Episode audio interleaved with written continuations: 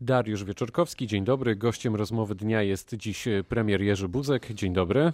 Dzień dobry Państwu. Za chwilę minie 20 lat od wstąpienia przez Polskę do NATO. Trudne to było zadanie, by dołączyć do paktu? To oczywiście nie było proste e, i wymagało zarówno porozumienia sił politycznych wewnątrz kraju. To było pierwsze zadanie.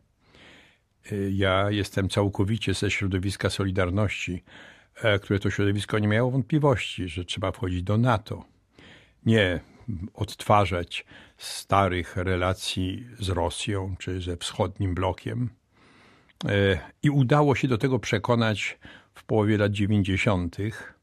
naszych konkurentów politycznych, lewicę, SLD, PSL.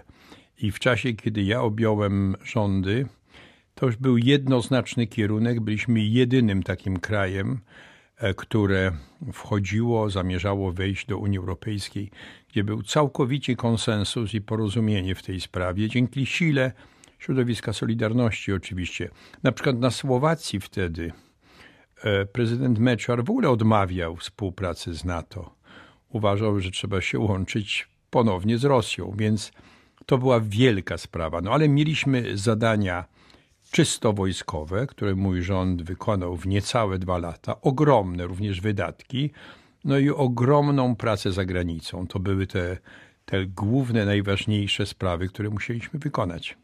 Co daje nam obecność w sojuszu tak realnie? No, jak to się wtedy wydarzyło, to wiedzieliśmy, na czym to polega. Na przykład musieliśmy uzyskać tak zwaną interoperacyjność z NATO, to znaczy nasze wojska musiały reagować e, na samoloty, które lądują albo, albo przylatują nad naszym terenem. To znaczy, te natowskie były już przyjazne, bo proszę pamiętać, wcześniej w Układzie Warszawskim to był nieprzyjaciel. To naprawdę wymagało ogromnej pracy technicznej. Całkowicie zmienili, zmienialiśmy polskie siły zbrojne. Przesuwaliśmy nasze jednostki wojskowe z zachodu na wschód. To był ogromny wysiłek rządu, także taki niepopularny, bo na przykład w Nysie, która miała bardzo silne jednostki wojskowe, no, przenosiliśmy je na wschód. I to oczywiście był wzrost bezrobocia, niezadowoleni mieszkańców, bo jednak jednostka wojskowa to jest coś ważnego. No i poza tym to wejście do NATO otwierało nam drogę do Unii Europejskiej, co jest bardzo ważne. E, łatwiej było negocjować, wchodzić, a nasz kraj duży, 40-milionowy.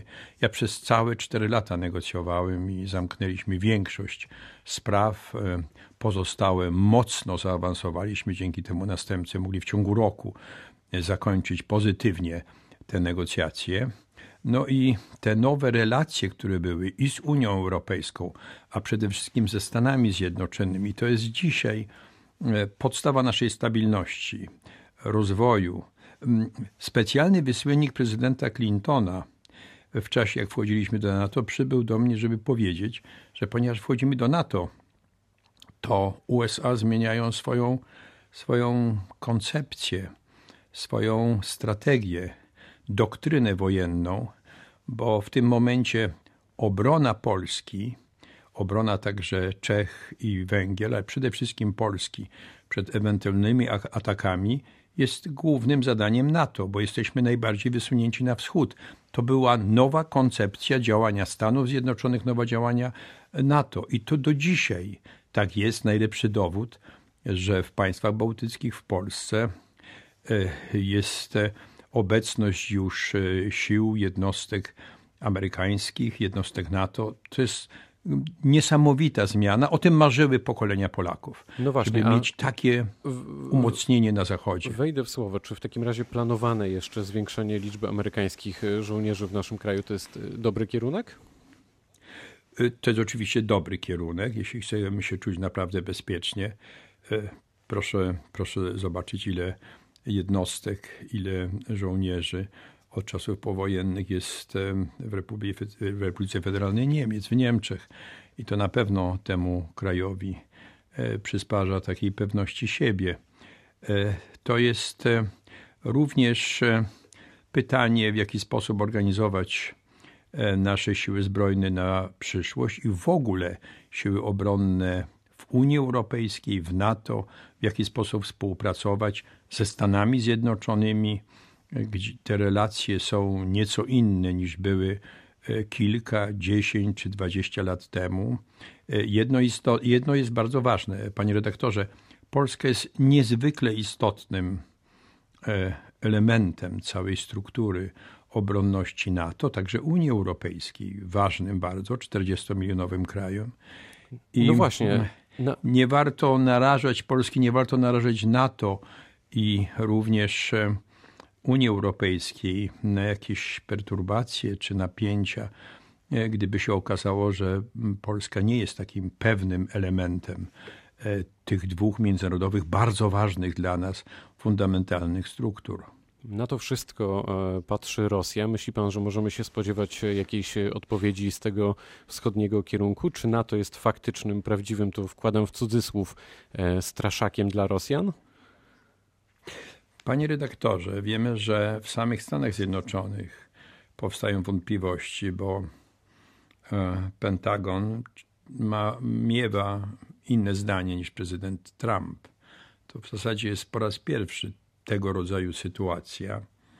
Mm, my próbujemy w jakiś sposób zamienić nasze relacje z NATO, które mimo wszystko są fundamentem, na bezpośrednie relacje ze Stanami Zjednoczonymi Donalda Trumpa. A to nie jest to samo, dlatego że prezydenci się zmieniają, a NATO powinno być stałą, niezmienną częścią naszej obronności. Tam już jest dzisiaj 30 państw. E, I to może być ryzykowna polityka.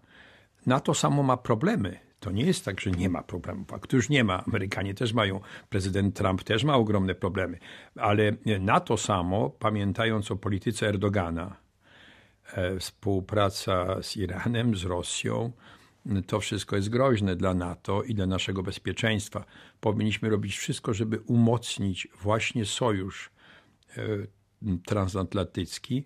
Pamiętać również o tym, że Brexit spowoduje, że w samej Unii Europejskiej, której jesteśmy, mam nadzieję, mam nadzieję, że będziemy również mocnym członkiem, e, będzie już naprawdę niewielka ilość sił obronnych, chyba kilkanaście procent sił obronnych sojuszu. E, Wielka Brytania to jednak był, był, była, była spora, spora siła obronna, więc to się zmienią te proporcje. W Unii Europejskiej kilkanaście procent, o ile pamiętam, a reszta to są kraje pozaunijne. Wiceszef Sił Zbrojnych NATO w Europie ostrzega przed Rosją i mówi tak: Zamierzeniem Kremla nie jest wygranie długookresowej wojny, ale realizacja krótkich kampanii o konkretnych celach poprzez wojnę hybrydową. Chodzi o osiągnięcie konkretnych celów na danym obszarze geograficznym. Zgadza się pan z tym punktem widzenia? Tak, oczywiście, że tak.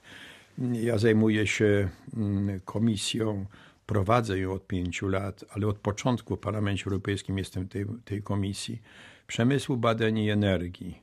Tam jest e, całe cyberbezpieczeństwo, wszystkie techniki cyfrowe, no też likwidowanie roamingu, który kosztował nas tak wiele przy wyjeździe zagranicznym.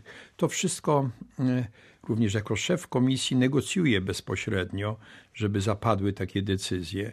A więc sprawa bezpieczeństwa e, na, na tym rynku cyfrowym jest absolutnie kluczowa. E, również jest to kwestia bezpieczeństwa energetycznego. Jestem zarówno autorem sprawozdania na temat dyrektywy gazowej, e, jak i e, negocjatorem głównym.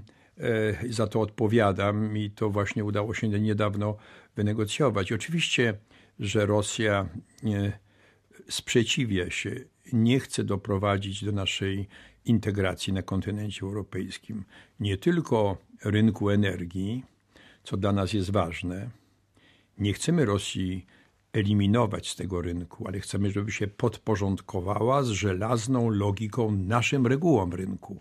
O to idzie także w dyrektywie gazowej. Natomiast jeśli chodzi o nasze bezpieczeństwo, takie militarne, e, wojskowe, no to oczywiście te zakusy także są daleko idące.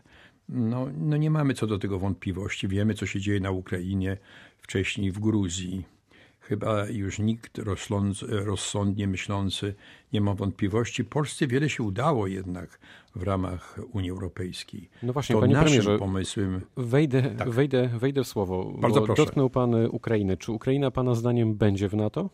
Ukraina powinna zmierzać w kierunku NATO oraz Unii Europejskiej, ale to zadanie jest bardzo trudne. Jak ja sobie przypominam, ile pracy kosztowało te ostatnie dwa lata dojścia do NATO, zarówno pracy technicznej, wojskowej, jak i wielkiej, niesłychanej pracy poza granicami kraju, dyplomatycznej.